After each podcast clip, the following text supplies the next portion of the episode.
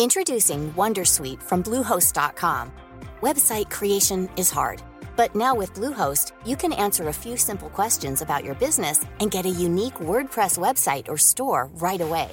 From there, you can customize your design, colors, and content. And Bluehost automatically helps you get found in search engines like Google and Bing. From step-by-step guidance to suggested plugins, Bluehost makes WordPress wonderful for everyone. Go to bluehost.com/wondersuite.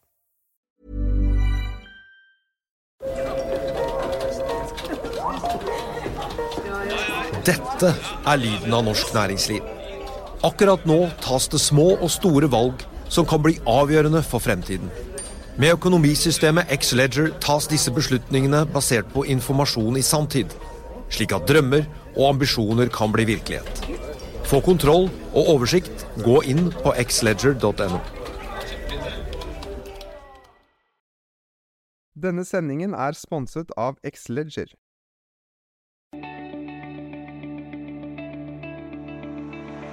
IG er en verdensledende finansmegler og et godt supplement til din trading. IG har en oversiktlig plattform der du får tilgang til 17 000 markeder. Det betyr at du kan investere globalt i aksjer, indekser, råvarer, valuta og kryptovaluta. Du kan åpne en konto på få minutter ved å laste ned appen eller besøke ig.com. Husk at handel med finansielle instrumenter alltid innebærer risiko.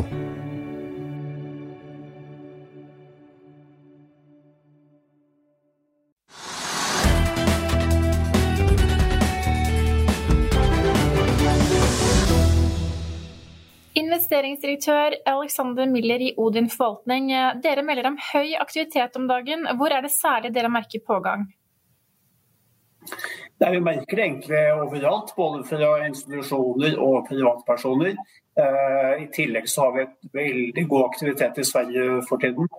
Eh, så det er en generell, eh, en generell trend vi ser, at sparebehovet blant folk er veldig høyt. Vi er jo midt i kvartalsrapporteringen for første kvartal. Oslo Børs er jo opp 12 hittil i år. Hva har vært de største driverne, slik du kan se det i markedet? Eh, de største driverne har nok helt opplagt vært eh, effekten av disse hjelpepakkene man har sett i forbindelse med pandemien. At, eh, at det har vært voldsomme stimulipakker, at rentene har vært holdt veldig lave. Og at det er ikke så veldig mange alternativer til aksjer for tiden. Og det er det gjerne slik, Hvis det er veldig mye penger som skal investeres i et begrenset antall med aksjer, så stiger gjerne kursene. Så, så, det ser vi nok på er nok det viktigste, viktigste for børsene nå. Økonomien og måte, situasjonen i pandemien er jo ikke så mye forskjell enn det var for et år siden. Og Da var man jo veldig pessimistiske. Så, så det er nok mer det at uh, humøret til børsene er på et helt, helt annet nivå nå enn det var for et år siden. Vi ser jo at det går mot gjenåpning eh, også her til lands, men en rekke steder rundt oss i Europa og ikke minst USA. Eh, hva er det som blir viktig for markedet nå fremover? Ja, det er som du er inne på, eh, gjenåpning må gå som planlagt. Og Der tenker jeg det er ikke så veldig risikabelt. Det er veldig lite som tyder på at ikke vaksinene skal fungere. og De landene som har kommet langt i vaksinering, har også kommet langt i gjenåpningen. Eh, men, men det er kanskje, eh, noe av det viktigste er kanskje å gå tilbake og se på, på de voldsomme stimulipakkene. Eh, det er en vanskelig balanse både for myndighetene og sentralbankene å på en måte ta bort På et tidspunkt så må den stimulien tas, tas bort. og Gjør man det for tidlig, Eh, før økonomien klarer seg selv, så kan det være veldig uheldig. Det er litt som å eh, når du skal ta av støttehjulene på en sykkel, du må vente til eh, man klarer seg selv. Man kan heller ikke beholde støttehjulene altfor alt, alt lenge på. Så det er klart her kan det bli Det er veldig viktig at økonomien er i stand til å klare seg selv, i hvert fall, og børsene er i stand til å klare seg selv før veldig mye av den stimulien blir borte. Men Hvilke forventninger har du til Oslo Børs hvis du ser inn i andre halvår, da? Eh, nei, eh, gitt, gitt at eh, enten at man beholder mange av de stimuliene, og eller økonomien viser klare tegn til å klare seg selv, så er vi veldig positive til børsen. Det er fortsatt ikke så mange alternativer. Så, så, så lenge rentene holder seg lave, og samtidig som ikke økonomien blir altfor svak, så, så er vi ganske positive. Det vi egentlig er mest bekymret for, er vel at vi, vi ser noen tegn til bobletendenser. Eh, det er en del selskaper der ute uh, som ikke har noe som helst inntjening. Kanskje ikke får inntjening engang, som har fått en veldig høy verdi. Uh, klart Det er også effekten av at det er veldig mye penger som skal inn i aksjemarkedet. Og også disse selskapene som i beste fall har en veldig usikker fremtid, har fått en veldig høy verdi på børsen. Tenker du da på sånn typiske Euronext-nykommere?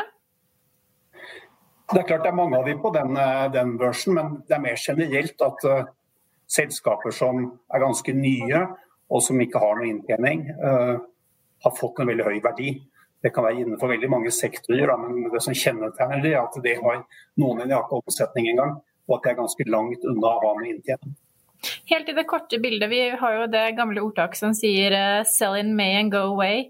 Uh, tror du det blir tilfellet slik du ser mai måned så langt? Nei, nei du hva? man sier det, å, spå er vanskelig, spesielt om fremtiden. I, i Odin så er vi ikke verken flinke eller veldig glad i å spå. Uh, og jeg har, ikke sett at det har vært noen sånne vanvittige sesongeffekter også. Så, så, vi er mye mer opptatt av å finne de gode enkeltselskapene uh, og følge med på de selskapene enn hvilken måned i kalenderen vi måtte befinne oss. Så vi er i hvert fall ikke så veldig opptatt av det. Så hva er de gode enkeltaksjene og sektorene dere foretrekker akkurat nå? I Odin så vil vi være langsiktige eiere i bærekraftige, gode selskaper.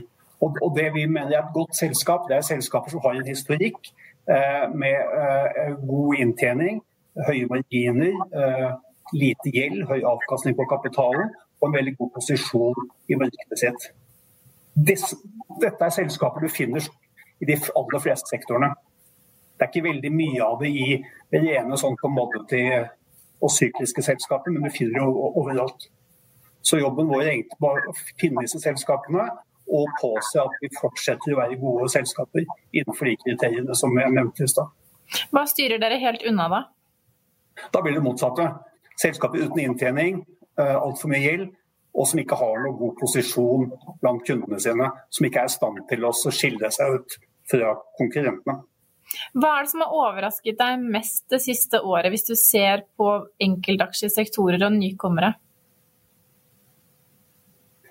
Altså, det som har overrasket meg aller mest, er hvis du spoler tida et år tilbake.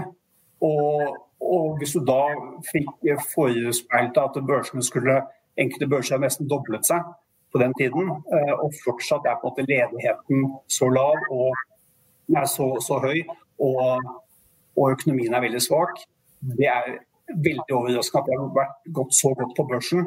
Og så er jeg overrasket over at det er så mange av disse eh, nye selskapene som har både fått lov å gå på børs, men at de også har fått en vanvittig eh, verdi etter hvert. Det, det så jeg ikke komme. Så ingen bekymringer i horisonten slik du kan se? Eh, jo, det er alltid mye å bekymre seg over. Eh, men vi forsøker i hvert fall å redusere bekymringene ved å holde oss til de gode selskapene med en god historikk.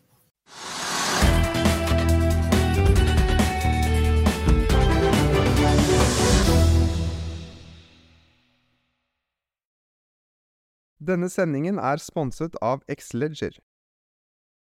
Økonominyhetene er en podkast og videoproduksjon fra Finansavisen. Programleder er Marius Lorentzen. Aksjekommentator er Karl Johan Molnes. Produsent er Bashar Johar. Podkast- og videoansvarlig er Marius Mørk Larsen. Og ansvarlig redaktør er Trygve Hegnar.